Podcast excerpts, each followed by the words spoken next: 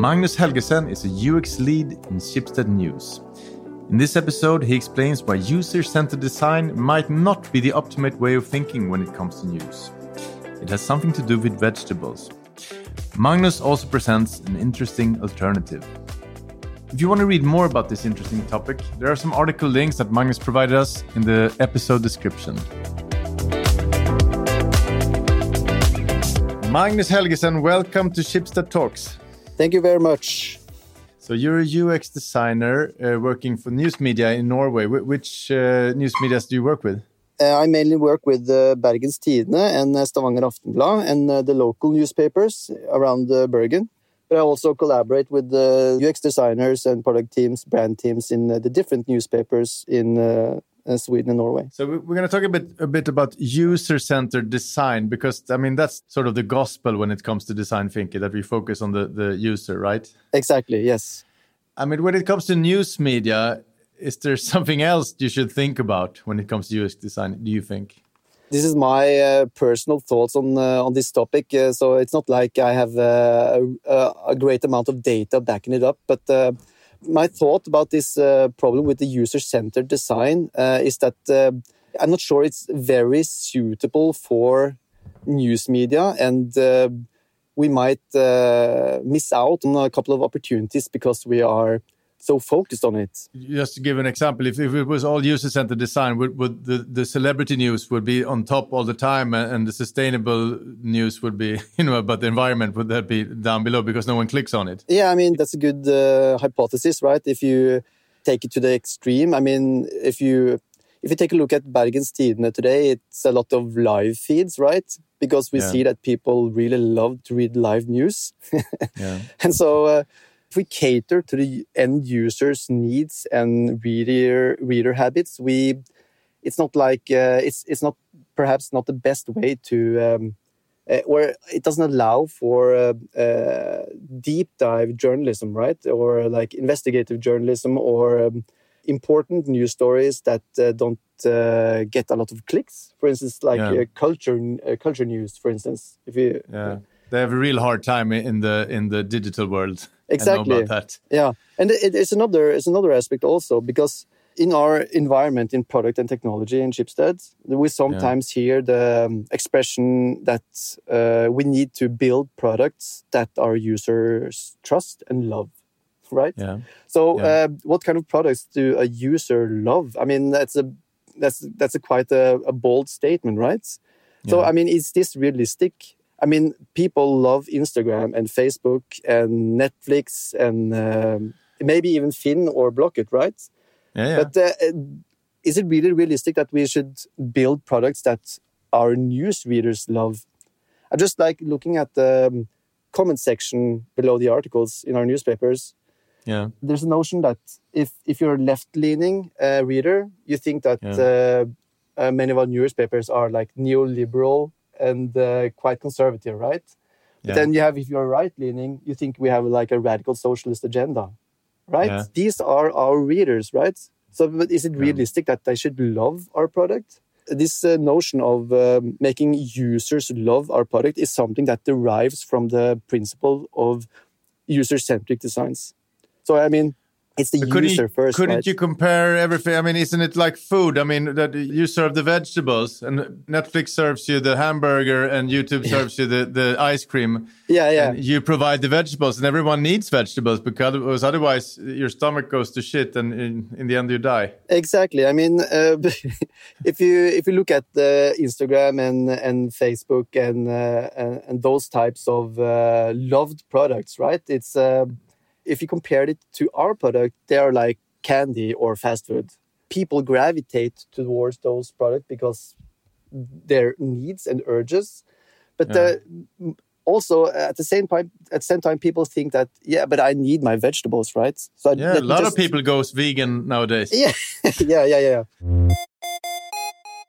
We should perhaps cater more to this that uh, we are vegetables and people won't exactly love our product, but it's a different type of need, I think. Yeah, yeah. We, are talking pretty vague, you and me, right now. When it comes to UX design, then are there an exact alternative that you can use on on news media? I went to uh, I went to Malmö at the, the conference uh, a couple of years ago. I saw um, a speaker called Kevin Slavin, and he talked. He had a really interesting talk about uh, something he called design for participation. Yeah, he, he talked about the history of of uh, user centered design, and uh, his uh, argument was that UCD or user centered design, their design system have a tendency to ignore other systems uh, surrounding them, like, uh, for instance, um, Amazon um, uh, disrupting local bookstores, for instance. And mm. they mm-hmm. have a tendency to obscure the system that makes it work. I mean, the users are meant to be unaware of um, the struggles of the labor struggles of the Uber Uber drivers or the Foodora delivery guys, right? Yeah. And as for newspapers, um, we have like a journalistic mission, right? So as a user uh, in a user centered design uh, principle, the journalistic mission doesn't really like it, it doesn't really fit into this um, to this notion. His argument was that what does it mean to design for participants rather than end users or rather than users? So um, he used the examples of um, architecture so uh, in the beginning, uh, like he, he, talked about the architects like Mies van der Rohe, was a big architecture yeah. uh, architect in the uh, uh, modernistic architect. Uh, so he he designed perfect designs, right? But it, when, as soon as the people moved into the buildings, it was destroyed. So he, How he come? he didn't he didn't want people to put up flowers in the windowsills or their own curtains so he just like removed all the, all of those uh, things. So people, yeah. it wasn't really meant for humans, right? He started to talk about buildings that are designed for participation.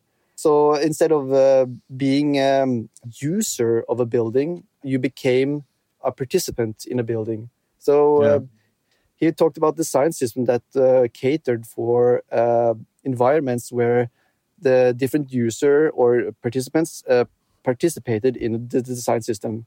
And he also talked about ways that the building is also a participant in the environments around them. Yeah. It's interesting to see. I mean, he was talking about architecture, but what does it mean uh, for us to talk about that in uh, news media? If we design uh, products for the user in mind, for user uh, needs, we uh, get uh, one or we get one type of product, but if we design for participants, we might get another type of product. And right now, then, you and your team, how, how would you say that you designed your your uh, news product?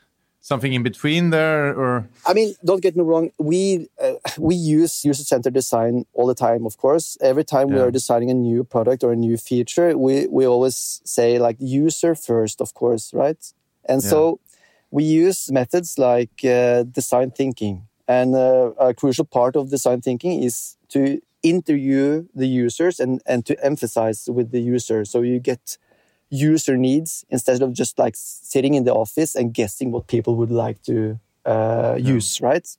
Yeah. So um, we use the traditional type of methods uh, still, but I would really love to to just uh, to experiment with participation as a principle in in the future. Yeah, make it more open. Make, seems like make it more open. Yeah, basically. I mean, uh, just to talk about the design thinking. Uh, this is like I don't know if uh, the listeners are aware, but uh, it's like a, it's a buzzword for uh, it has been for a, a, couple of years, right?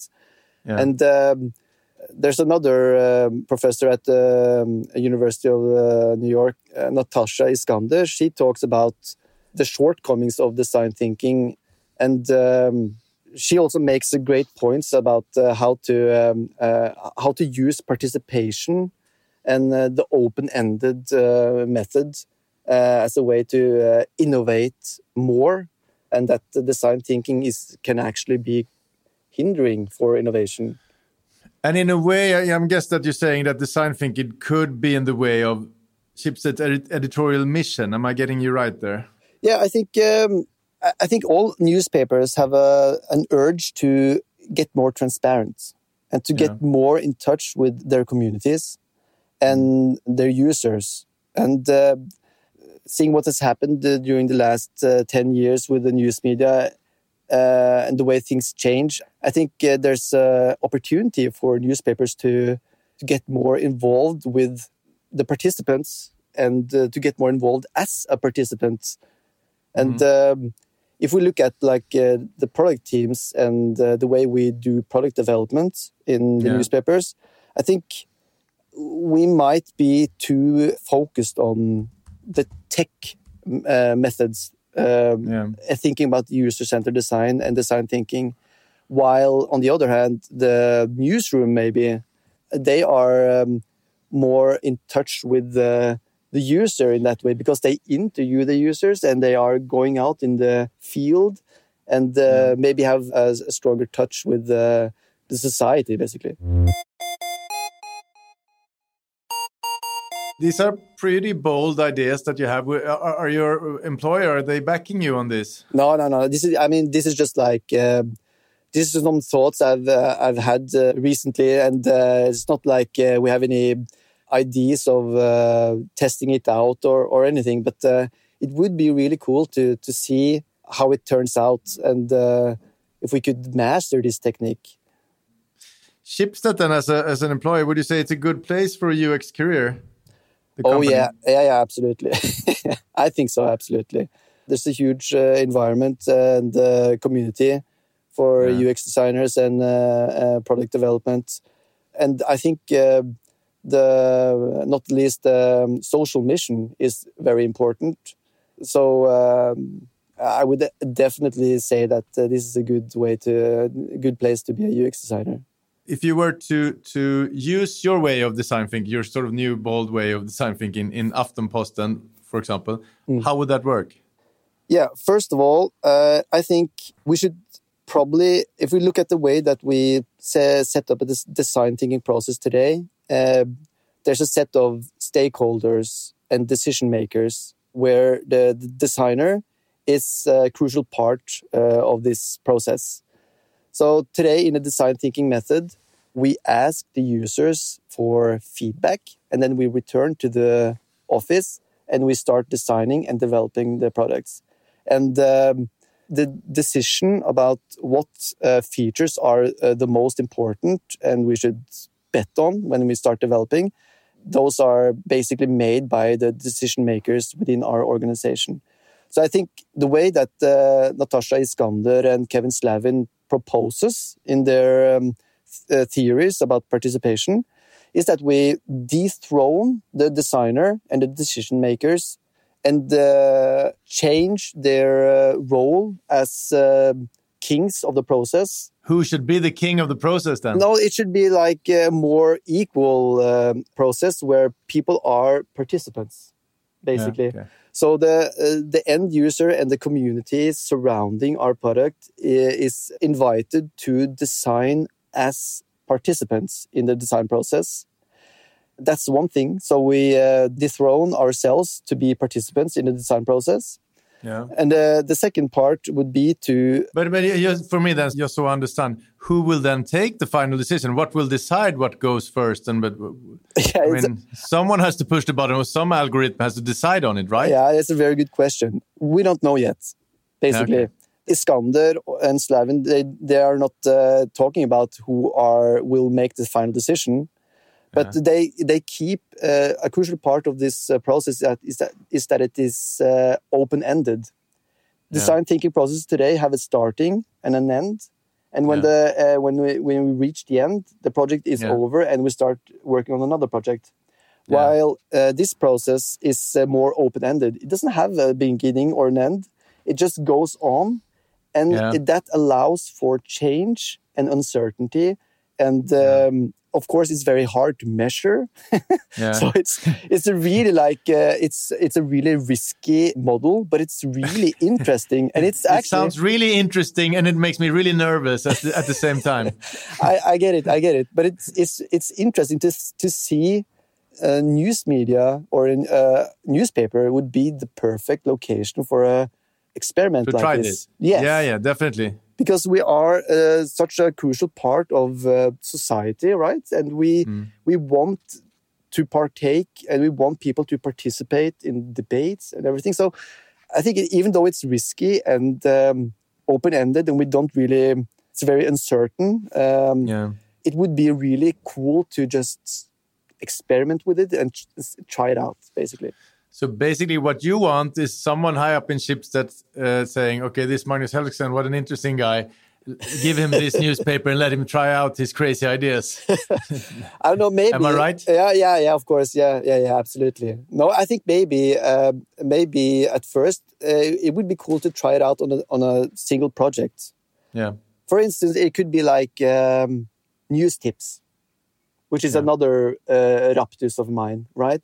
How does yeah. people provide news tips for our newspapers? So this could yeah. be like uh, an environment to try out this uh, this uh, project. Maybe I don't know. Great, Magnus. Thank you so much for coming to Schibsted Talks. Thank you. It was fun. This podcast was brought to you by Schibsted Employee Branding Team.